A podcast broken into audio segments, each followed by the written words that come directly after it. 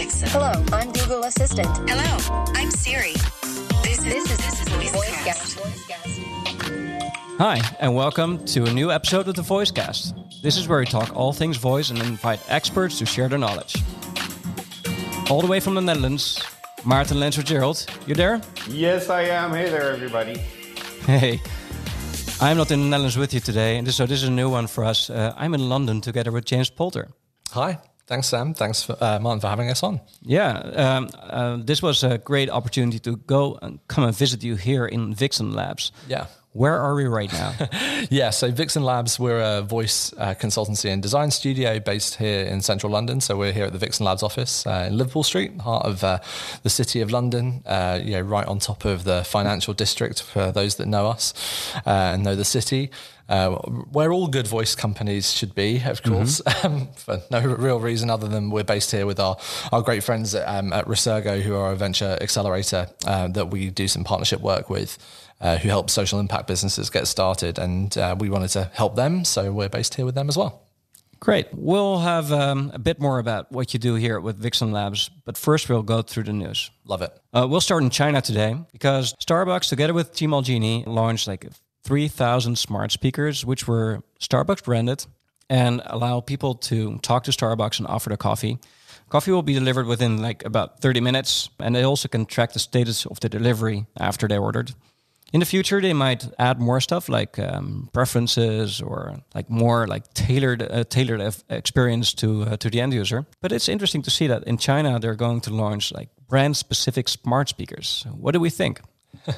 Yeah, so I think this is a really interesting trend, and uh, well, it may be one instance I don't think probably counts as a trend, but it's an interesting case nonetheless. Uh, Tmall Genie, if people don't know, is the uh, voice platform developed by Alibaba, the, the huge giant um, in China retail uh, consortium, uh, the equivalent of Amazon uh, in China. Um, and this news is from Alizilla, which is from their own news portal. So we'll take that with all of the pinches of salt and pepper are required. But yeah, they, they announced this smart speaker. It's a really cute little branded smart speaker with a Starbucks logo on it. It's got the Barista bear um, DJing on the top of the, the smart speaker. So um, amazing Instagram or WeChat uh, click fodder uh, right there. And they've created this as a, a limited partnership. So uh, yeah, they've got 3,000 of them. They sold them out pretty quickly at just $28 a piece um, and gave people the opportunity not only to uh, order coffee through it, but also hear Starbucks branded music and um, playlists from the barista um, on the on the turntable. I mean, it's a cute execution. You can't get away from that. You know, like if you're a diehard Starbucks fan, sure, you might want one. And particularly in China, as we know, you know, so many Chinese middle class, um, affluent people wanting to uh, invest in lifestyle uh, you know cues that come from western brands. It's a no-brainer if you're starbucks to do something like this. But i don't think this heralds the kind of wave of branded speakers coming into chinese and, and also western homes. Um, you know this is very much a pr piece. Like we said 3000 starbucks genies um, that were sold um, but it is a great demonstration that you know we're hitting a more mass uh, appeal of voice devices particularly and seen as being a pr opportunity uh, for voice devices in in uh, in China. I think the bigger question though is like how many of these things can you realistically ever scale? Not just in terms of the amount that one brand can sell, but the amount of brands you would buy them from. Uh, I don't know about you, but my home has already got you know a smart speaker in as many rooms as I want them to be, um, and you know I don't think that I'm going to go looking for a cheap, probably quite low end audio solution from Starbucks to populate every room of my house. So I'm not convinced, but cute PR execution nonetheless. That's like a giveaway almost. Uh, here in Holland, you uh, every summer with two beer crates, you get like a music spe- a Bluetooth music speaker or something like that, branded with Heineken or whatever. This is similar, I think. It's for me also a sign that it crossed the chasm over there. It's like it's it's just a marketing gimmick that you, whenever you want to, use. The value indeed is in the PR. It's not in the volume of coffee or the better uh, relationship you have with the customer.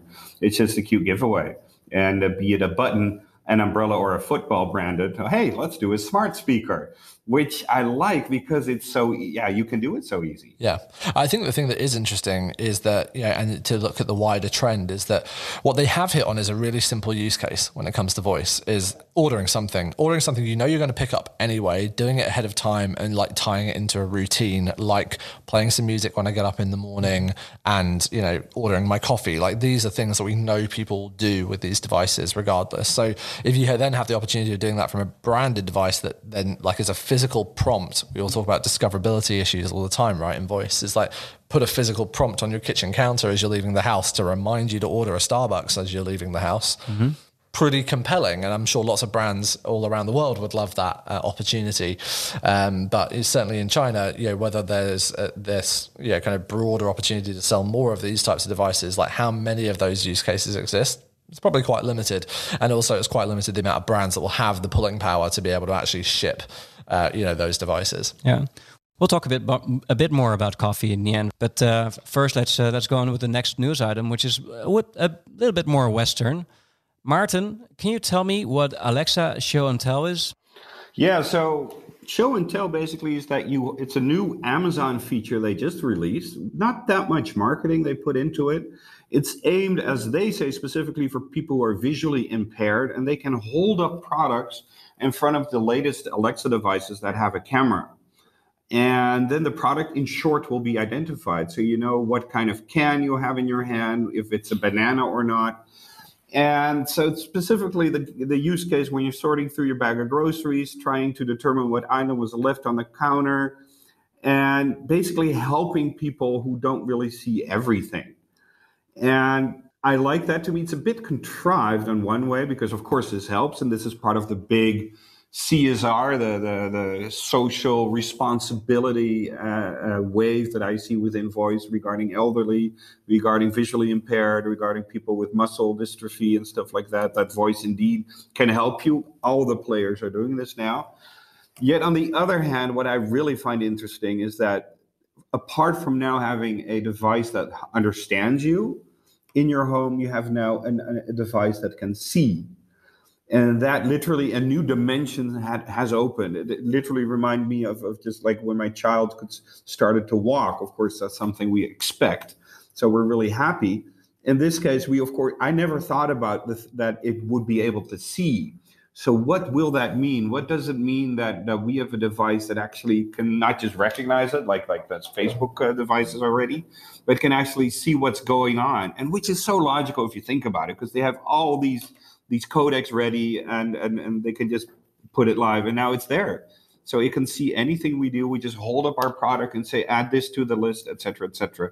So I'm really excited about this because this is just a new door of perception that opened. Yeah, and I think that the thing that I'm interested in. So obviously they, have announced this is uh, as usually with Alexa features. It's available in the US from today for um, Echo Show, uh, original Echo Show, and the new generation Echo Show users, which is great obviously will probably come to European markets and beyond at some point um, in the roadmap. But what I think is I'm more interested in, I mean, obviously the base features of like what am I holding is great, particularly as Maarten says for visual impairment or for the elderly or people that are you know, disabled in some way. The thing that I'm really interested in is do they open this up to the API, open this up to developers as a part of the skills kit? You know, because if that happens, then the, the magnitude of use cases that pop up, right? You know, if you're like, um, I don't know, under Armour and you've got mm-hmm. My Fitness MyFitnessPal like I, use MyFitnessPal every day at the moment because I'm on a serious health kick to try and get ready for my brother's wedding. And it's like if I had the ability to stand in the kitchen and rather than pull out my phone, open up the app, hit the barcode scanner, scan it in, add it to my day, etc., etc., and literally just said, Alexa, look at this, hold it up, and it just adds the food items because it knows the calorie count from the barcodes or the object detection straight to my MyFitnessPal, or you know pick another app of choice. Um, yeah, those types of use cases are huge, right? In the ability for to be able to use that kind of visual cognition paired with the Alexa smarts and, and skills. Um, and I think that that's what a lot of people are looking for, right? Is that ability to go from physical object to get the information about that object to take an action. Um, and if you can build it into those habits and routines, then you've got some really exciting opportunities to, to jump on right there. Yeah, exciting. And uh, literally, James, we're looking a bit pudgy today. What happened? I mean, because they do have the fat fashion uh, recognition and all that. yeah. That, I mean, of course, you don't want to hear that, but you can switch it on, or you're looking awesome again. Yay! That's what I want to be hearing. yes. But th- that is indeed the case. But oh man, just imagine. I was thinking about the kids' games that you can do, like find two bananas, hold them up. Okay, find two strawberries, combine it with an apple, and and Oh man, yeah, yeah. I'll take it back to yeah, uh, Amazon's original business case of things like books, right? Like being able to hold up a book, find out more about an author, being able to hold up you know, other kind of physical media uh, across the studio here. We've got a bunch of Lego who used to, who I used to work for, like the ability to hold up products um, that you want to buy, uh, uh, but also products you just want to get more information about. You know, those would be amazing use cases. So I think it's exciting, and I I love where they've started with this. Um, you know, this is uh, if you go check out the day one blog around this, this is uh, coming out of the Alexa for Everyone team, which is a specific team within Amazon that's that's focused um, on uh, accessibility and particularly uh, those who are, are blind or visually impaired. So I think it's coming from a great place.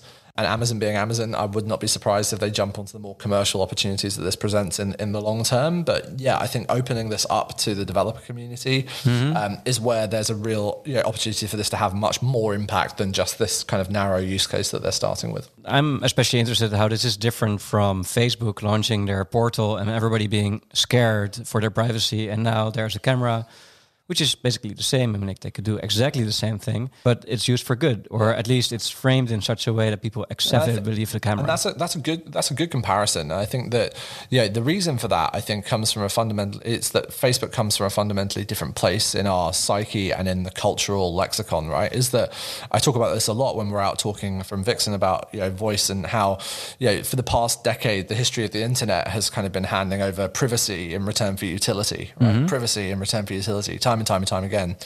And we've stretched that rubber band of privacy about as far as it's going to go. And one of the big people that we hold up as the reason why we're not willing to give up more of that privacy is Facebook. Mm-hmm. Um, but Amazon, we don't feel that way about Amazon. People like if you ask people about how do they feel about Amazon, they love Amazon. um, in many ways, they love it because of the utility that it brings into their life, and they don't see it as giving up privacy.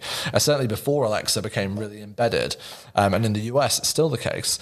So I think you know, there is that perception that yeah, okay, fine, this thing might be listening to me all the time, but actually when we look at the stats, you know, it doesn't stop people buying more smart speakers. So that kind of that latent, you know, background worry doesn't translate into real commercial reality for them, um, and they don't come with the baggage that Facebook comes with of being potentially watching you, potentially rigging elections, which yeah. I know we're going to come on to.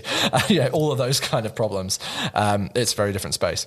That's that's an interesting point to make. Uh, rigging elections or well, let's uh, forget, being, being forget, forget rigging. For, yeah. yeah. being responsible for uh, election results in some way. I think yeah. uh, let's put it that way. Yeah, because um, with regards to election, we're like about a year from the moment that the U.S. will get new presidential elections. Yep. And Alexa uh, will be able to help with more, providing more information about the elections and allow you to donate to political candidates which is something that I think Maarten, maybe you, you're able to tell more about it, but it's very common in the US, right? Donating to uh, to your political candidate. No? Oh, um, yeah, people do it. Uh, personally, I think they have enough money, and uh, uh I, I always wonder why. But that's me being a critical Dutch guy. But some people do, yeah. And uh, it's it's interesting that they chose the money part within this election campaign at Amazon because is it really key? Or is it just to promote paying by voice, which I, of course, find interesting? And hey, who is this candidate? Yes, he should get my money. Here's hundred bucks. Of course, it sounds logical. I, I, what I think is really interesting here is I'm, I'm, actually not so fussed about the kind of donations thing. I think if they do something to kind of get more, you know, kind of um, low level, small donation bases activated and people donating to political candidates rather than coming from big, you know, big mm-hmm. corporations, is probably a good thing. But putting that aside for one moment, I think the, the interesting thing is around how they are seeing themselves as being a, a news aggregator around the election. And again, coming back to the day one blog, if you read this from Amazon themselves, the headlines just that they say Alexa is an objective source of elections information. Interesting. Um, bear in mind, this is run by the company that's run by Jeff Bezos that bought the Washington Post as a direct action to go against Trump in the last election. So I'm just going to put that out there. Mm-hmm statement of fact. Um, secondly, we offer choice, which is when it comes to news, Alexa is a conduit, not a news creator. Yet we know that they are working directly to try and entice certain news providers to the platform to work with them more, you know, kind of creatively. And then w- we will keep making Alexa smarter over time. And I think that, you know, the question will be is how do they maintain that unbiased role? You've seen here in the you know, you're here in London, so we should talk about it. It's like in the UK, we've just seen the announcement of the BBC announcing that they'll be launching Beeb in the not too distant future. And you know, the BBC has a written constitutional constitutions are all over the place, but constitutional mandate right now um, to educate, inform, and entertain the public in a non-biased and non-partisan way. Right? Amazon is a private company; it does not have that um, mandate. Yet they are trying, in or at least in this, to stake a position of being impartial. Um, and I think that one of the big things that all news providers and all content providers are worried about is the likes of Amazon and Google disaggregating um, the access to news and politics, right? This is a big issue for us. Um, and it goes way beyond uh, just election news, but every other aspect of, of the content that we consume day to day. So, how they are going to um, you know, maintain this neutral position, I think is really interesting. And I'm also interested in what kind of scrutiny they may come under from the electoral commissions and others if, you know, we find that there are, you know, in results in the next couple of years, thousands of people asking their smart speaker about the election and trying to get information about candidates. What impact's that going to have? I don't think we know, but I think that they've got to be pretty cautious about how they, you know, position that. Facebook tried to be neutral as well, and we we all know where that ended up. Or Exactly. try YouTube. So, so this is it's a very slippery slope. Um, quite heroic, or I don't know, maybe stupid to um, to fix on that. And with regards to the donations, I think that's just the easy way because there is no color in donations. You're just like enabling people with a utility to donate to their um, like person of preference. Yeah. yeah. and I suppose the question is what efforts are they doing behind the scenes to get candidates on board with that platform to be able to donate with them? It's not very clear from this original. It says Alexa Political Contributions is powered by Amazon Pay, as we all know is the payment gateway for Alexa, um, but it doesn't really particularly show here um, how they're going to do that. They say all candidates are invited to make use of this technology and onboarding will be simple and doesn't require technical experience. I don't know about you, but anyone that's played around in the back end of the Alexa Dev Console knows that it's not quite as straightforward as that. Um, and and then also it's the you know which companies, which parties, which candidates are going to be attracted to working with Amazon um, when it does have a, you know a quite specific geographical center of gravity, quite specific political background. You know, maybe maybe this is the thing that swings it for the Democrats. I don't know, but I certainly think it's interesting um, that you know Jeff and the team have thought that this was something that they should get involved with. Yeah, yeah. Yeah, it's. Uh, I think specifically what you earlier said. I mean, what's missing is checks and balances for all these listed companies doing all these kind of things. That's there is that's scary indeed. That is the biggest thing. Cool. Let's move on to you, James, because I didn't come here just to talk about the news. Well, I could talk about the news all day. Yeah, I mean, I, I guess more that's, interesting than us. that's something that's happening uh, all the time here, right? With all the the UK um, the government Brexit stuff. Yeah, Uh, I mean, I should say that at time of recording before this airs, like we just woke up this morning to the news of the Supreme Court, you know, kind of uh, ruling that the prorogation of Parliament was illegal. So, you know, things happen every day here at the moment. So, uh, so, so this is something climate. I'm wondering because I, I I see this happening as well. Does this change anything in the interest uh, for the domain of voice when you talk to clients? Because you are an agency, right? Yeah, I suppose we talk about ourselves being more of a consultancy and product studio because we don't just take things off of clients and walk away, deliver them, and come back, which is more of the typical agency model. We tend to be more embedded with client teams um, or helping them actually build and sustain voice products rather than the agency model of being more marketing kind of led. Um, so for, for those of us that for those that don't know us, Vixen Labs, we're a, a voice consultancy. We're based here in uh, London, but we have a, a team uh, based across Europe um, and India, um, and uh, founded by myself and Jen Heape, my co-founder, um, who runs the business here with us, and uh, we've over the past year since we started, um, actually ended up working quite a lot in what we've discussed here in the news today around content businesses um, with music labels through to major news providers, uh, the likes of the BBC and others, uh, to help really work through voice strategy for them, not just building apps, uh, you know, whether that's skills or actions, but of which we have been doing some of, but actually a lot more time spent really helping people work out, well, where should I be playing? And how can I win in this space? In in the time where um, you know voice, we believe that it's not about smart speakers. In fact, I think the smart speaker is kind of a red herring technology. We mentioned it before. You buy enough of them, you put them in your house. You're not going to upgrade those every 24 months or 12 months like a phone. They're going to live there for a while, and after a while, they become part of the ambient furniture of the house. So it's not about smart speakers. But what it is about is that voice will be the predominant gateway to the internet. And as that paradigm shifts for consumers, as that becomes the way that you access information, content, entertainment, and utilities, um, that we we have a commercial imperative and also a, a, moral and ethical imperative to help companies make sure that they are well represented in that space, um, and not just companies but other organisations as well that either have a social mission or that have an uh, you know kind of moral or ethical agenda to make sure that their content can be found in a way that is impartial and fair, to make sure that their um, their ability to pivot their businesses so that they're made sustainable in the, the voice first internet exists. Um, and to make sure that those who are doing more marketing led or PR led campaigns in this space um, do them in the way that are actually efficient and make money for them because otherwise, what's the point? And we need people to do that um, and do that well because if they don't, this industry will never reach critical mass and it will become one of those things we thought was a fad and go the way of the mini disc. And I don't want that to happen. Mm-hmm. Long live RIP the mini disc. Um, so, you know, um, sorry, that puts both an age and also an attitude on me, uh, quite obviously there. So, you know, uh, that's what we're that's what we're trying to do. Um, and you know, we've been very fortunate in the past year to get to work with some amazing brands to help them tackle those problems. But I think we also try and look at this from an industry perspective much more broadly. Is you know, we we look forward over the next three five year horizon. People ask us all the time, like, what's the future of voice? Well, I think it's a bigger question. It's a, what's the future of the internet look like? what kind of internet? What do you want? Because that will dictate quite a lot of the future in general. Um, you know, what type of politics do we have? what type of access to content and information do we have? What types of businesses are able to be created and sustained? Like that that's the future that we got to worry about. Um, and we believe that voice and conversational interfaces will be one of the primary ways that you access those things. And so therefore it's important that we build them. And in particular it's important that we build them because like this is the first time in human history where we've been able to have a conversation with our computers and that means we have to learn a new way of talking to them. And particularly when you look at like the very young um, or the very old, but particularly the very young and the next generation, where there will be an expectation that they can talk to these things. That is one of the most critical problems to solve because we're not far away. In fact, we're probably already there from a future where you can pick up the phone. I'm doing a for those listening, I'm doing a holding my hand to my face action, which also is questionable whether or not we'll continue to do that. But you know, we we we will talk to something and not know if it's a human or not. That's the reality that we're facing.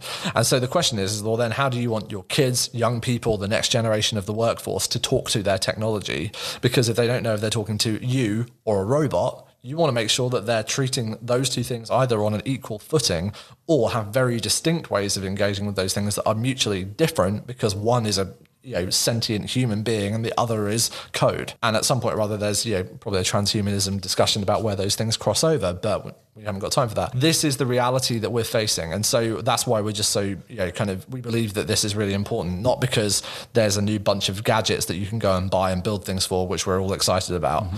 but actually this sets a precedent on the way in which we will engage with our technology engage with the internet therefore basically engage with the world. And that's why it's important to, to do that well now. So that's kind of what we're trying to help people with. Yeah. So, so one of the things I like about the voice industry is that uh, the community around it is very positive. It's, it's vibrant. People are sharing a lot. Yep. And I know you're not just the co-founder and CEO of Vixen Labs. You're also the program director for uh, uh, Voice Summit. That's right. Yeah, Voice Summit. Yeah, which is the the world's largest um, event focused on yeah kind of voice and we would say also the largest kind of voice community. So um, founded by Pete Erickson um, and Modev. Maarten and I were out together at Voice Summit just a few weeks ago in, in Newark in New Jersey, sharing some uh, great insights and some beers, and um, we had a good time. Uh, yeah, and so this year we for the second time brought together nearly five thousand uh, people from the voice community um, over a three day or four day event, um, and a number of other uh, things that we kicked off uh, during that period. Um, and I think we saw all of these topics come up there mm-hmm. as well, and many more. Obviously, we, we really try and engage the creatives that are trying to make content for this pl- platform, the developers that are building both the platform and the app ecosystem that sits on top of it, um, and the marketeers that are you know helping to equip um, brands and businesses to, to use this stuff. Uh, and across all of those, you know, all of these issues around um, gender and diversity, of which Jen did, um, my co-founder at Vixen did two panels on this idea around disaggregation and media. I had the um, the team from NPR, the BBC um, and also the Australian Broadcasting Company together on a panel talking about that. And you know, these these issues go far beyond the you know what's a nice UX and nice UI of a voice voice app, right? Mm-hmm. Like it goes goes far further than that. And I think that that's because if you look back, you know, we've lived now th- with the internet in our lives for you know at least three decades at a commercial you know scale, right? Um, and we've seen the the web revolution, we saw the mobile revolution and social come before us, and the issues that each one of those things has presented. And so, no wonder that we've got a very vibrant community around voice because there's actually a lot more lessons learned to go off of. Um, people have seen the pitfalls. Um, they've pivoted away from those industries or they pivoted towards voice because they saw potential promise in it. Um, and we're now at a point where we've got, yeah, just the most fascinating group of people coming from all walks of life. And it really has collided more industry types, I think, than previous tech revolutions have because, you know, you've got the first generation of, you know, people, young people who have literally, they were taught to code at school like they're now becoming entrepreneurs in this space, mixed with people like myself that studied radio broadcasting and journalism, you know, too long ago now, um, who are you know coming at this from that kind of end of the industry, and then everybody in between. Um, and so the melting pot is just super interesting with a with a real vibrant mix of people in it.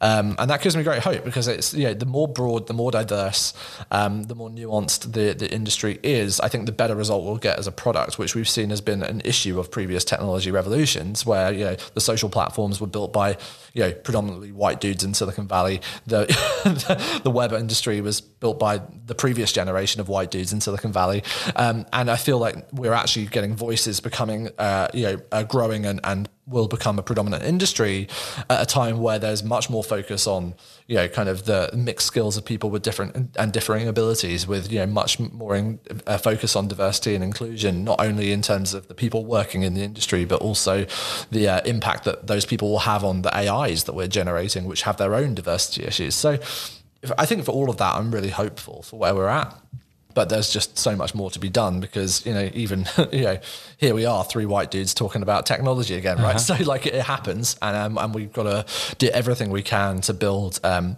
diverse and inclusive workforce to build a diverse and inclusive internet and like particularly the internet that is the spoken internet and we talk about voice mm-hmm. you know, we need to include as many voices of people as we can in that so um, yeah that's been a big part of the mission that that uh, Pete and I and the, and the leadership team at Voice Summit share as well as also what we're trying to do at Vixen as well yeah and besides the Voice Summit which is a global initiative you also run the local like the national, I should say, community, right? Yeah, so we have uh, something called Voice2, which um, we started uh, last year, um, kind of coming off the back of Voice Summit, really. We saw like there was a, a, small but growing contingent of people here in the UK and now more broadly in Europe. Um, so if, if, you're listening and you're in the UK or if you want to just join in and you're from the kind of European squad, um, obviously Open Voice is probably the first place you should go. But then the second you should go check out is, is voice2.io, uh, which is where you can kind of register to join. Uh, future meetups that happen across the UK, um, and also our um, vibrant and somewhat noisy WhatsApp community um, of like 300 or so voice nerds uh, chatting on a daily basis. But a good place to find the news, find a job, uh, get hired, uh, share a project, find a freelancer. You know, great place to do that as well. So yeah, we so we do that. So it keeps us busy. Um, but uh, yeah, it's uh, it just like I say that that community as well just encourages me on a daily basis. that there's there's a lot of people thinking about this in a, in a positive way. I think it's uh, time to close off the show, and we have one more part of the show where we share like how like a voice app works uh, because um, it's so hard to discover the good ones. And uh, therefore uh, we asked you like is there anything you'd like to show? Yeah so this is a project we worked on with um, a brand that you probably won't know if you're not in the uk although they do ship internationally uh, called workshop coffee. Um, workshop are a premium subscription coffee company and they also have a number of outlets um, across london um, and we worked with them earlier this year to build um, something that we thought demonstrated some of the key tenets of what makes a good voice experience, and particularly um, something that's built around utility, um, that's built with rich content, and that's built around habits. And I think that you know we talk a lot about habits at Vixen because we see that this is one of the big opportunities for brands to get into the voice space. Right? Is that you know um, if you've read James Clear's book Atomic Habits, which is a fantastic resource on this, um, or Charles Duhigg, who's the New York Times journalist, who wrote the, the Power of Habit, two two great books on this whole idea of the trigger cycle. Um, is that it's great? It's easier to embed a habit if you already have an existing one. Um, and so he, James calls it habit stacking, this idea of putting habits on top of one another. Um, and one of the habits that we all do, or at least I do, and I think most of us probably do, listening to this show, um, is make, wake up and make a cup of coffee Yep, at home. yep. Um, and uh, whether so, unless you've got a uh, you know kind of um, an Alibaba an Alibaba powered smart speaker that orders you a Starbucks, maybe, but um, most of us were probably making up a, a brew at home. And uh, Workshop have got some these amazing brew guides on how to do that with their coffee and various different types of equipment at home. And so we built um, a, a, skill uh, called uh, Workshop Coffee. You can go try it. It's published on all of the English language based uh, smart speaker Alexa stores um, which allows you to make either V60, so the pour over coffee, uh, filter coffee, so the uh, French press, um, uh, Moccamaster, which is a Swedish uh, coffee espresso machine, which is quite popular in, in the Nordics, um, as well as also, I'm forgetting a couple, AeroPress um, and Filter, I think I said before. But yeah, so we have five different types of coffee. Um, and you know, that's the one of those things that you know, we've all got a bag of coffee at home. Many of us have that equipment at home but no one really knows how to use it.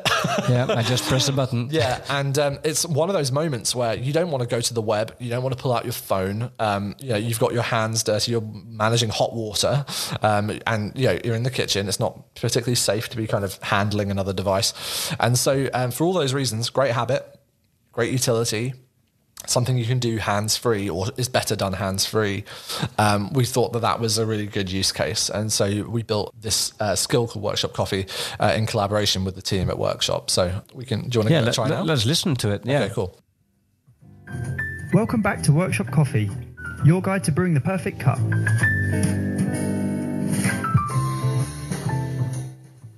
Would you like to listen to a brew guide or the tasting tips today? A brew guide. Great. If you would like to hear the same brewing guide as last time, please say Moccamaster.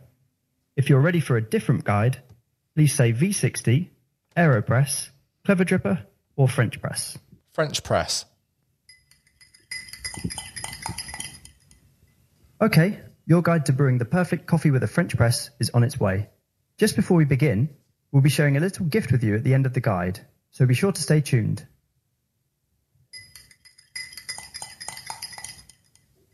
Welcome to the French Press Brewing Guide by Workshop Coffee. The French Press is a classic immersion brewer that offers a foolproof way of brewing filter coffee for larger groups or thirsty households. To brew a 750 milliliters jug of coffee, which makes 3 to 4 cups, you will need 45 grams of fresh, whole bean coffee, approximately 1 liter of boiling water, a French press, a grinder, something to stir your coffee with, such as a spoon or bamboo stirrer, and weighing scales. Would you like to hear that again? No. Okay, are you ready to begin? Yes. Great, let's get started. I'll give you eight brewing steps in total. After each step, please say Alexa, next to continue, or to hear the step again, just say Alexa, repeat. Step 1. First of all, pop your water on to boil. Computer. Make sure to use some water to pre-warm and rinse your French press. Great. So I, I think we get the gist of it. Yeah, I hope that gives you a kind of idea of uh, of what we were trying to do there. Um, so you'll have heard a couple of different voices in that. One is a chap called James Bailey, who's the head of quality at Workshop Coffee, who we recorded the original VO with. Um, because we wanted like to hear directly from the source, and then we switch over to the Alexa Polly voices uh, for the instructions, so that they can be more dynamic, and we can also add content over time. Um, and it also breaks up that difference between the kind of the brand voice and the more instructional voice that people are used to hearing from Alexa. So, what would happen if you carried on with the skill is that you would get a step by step guide. Uh, we also have built in a number of like pauses and timers when you're doing the activity of making coffee, which is one of the things that we found doesn't always work so well with the regular recipes built in steps um, into some of the platforms. Uh, so, we had to build those in artificially, knowing how long uh, it takes to brew the coffee. Um, and then you've also you heard at the start there a prompt which is to get consumers all the way through the experience uh, that they've got some special offers built in there for only people that have the skill. So um, we've we've done this in, in partnership with Workshop, um, and they're promoting this at the moment, so it's in market right now. Um, we did a PR release at the original start of this, and they're now doing what we call invocation marketing or voice marketing uh, by including the invocation um, in all of their subscription packs that goes out to uh, their subscribers. So um, for people who have the subscription to the coffee, they get a new coffee pack either every week, two weeks, or month, depending on their frequency. And now, when they open their delivery box, they'll get a nice slip that just says Alexa Open Workshop Coffee um, right there with an explanation of how to use the brew guides. And so it's just a, a, good case of taking existing content that we knew worked, pairing it with a use case that we thought worked for voice, and, and bringing it to market. Yeah, that's pretty cool. So there's like several cases I think included in this. So there's like the, the experience, you have the the custom voice of the, the familiar person. There is the utility going through the steps, and there is. Uh, can you also order coffee there? So right now you can't order or manage a subscription yet, um, because we're looking at the Amazon Pay links to be able to make that happen. Um, but what you can also do is get tasting tips and FAQs. So it allows you that if you've made a cup of coffee at home and you're like, I wasn't quite happy with how my brew went, uh, you can get more information about that uh, through direct invocation, asking for those um, implicit questions, uh, and you can also get um, more kind of like troubleshooting information as well as also tasting tips. So, like how to taste coffee properly so that you know whether or not you're getting the right blend and right brew. Cool. With that, we would like to round up. James, if people would like to know more about you, where should they look for? Yeah, so the best place to learn about what we do at Vixen is just to go to our website, vixenlabs.co. That's just .co. Uh, or you can follow us at vixen underscore labs on most of the social media. And myself, I'm just at James Poulter pretty much everywhere uh, on on social. Um, so do come and join that. And if you want to join the Voice2 community, um, you can do that. Go to voice2.io. And the other thing we wanted to invite people uh, listeners to the show is if you are coming out to Vegas in January for CES, which I'm sure many listeners are, uh, we're going to be doing an exclusive one day Voice Summit event at CES uh, at the Aria Ballroom for kind of VP and executive level clients, um, 500 seats uh, for a full day agenda on voice, focusing on healthcare, finance, consumer goods, banking, um, automotive, and, and a few other uh, interesting things between. Bret Kinsella and I will be doing the opening session, kind of looking at the state of voice in 2020 uh, from VoiceBot, um, which will be very exciting, as well as also hearing from industry leaders and brands throughout the day. So if you are at CES, uh, you can register for tickets. Uh, just go to voicesummit.ai slash CES. Uh, and January the 8th is the day that you need to get in your schedule. So yeah, come out and join us in Vegas. And what happens there will not just stay there. Don't worry, we'll be sharing it with everybody else. Great. That sounds awesome. If you're listening to this podcast and you liked what you just heard, please do subscribe and give us a rating. If you don't like it, just reach out to us on social media and we'll be happy to help you. We'll be back in two weeks with a new episode of the Voicecast. Thank you very much for inviting me over. Thanks for thanks for coming and seeing us in person, Sam. And see you soon. Bye bye. Thanks, guys. Cheers. Bye bye.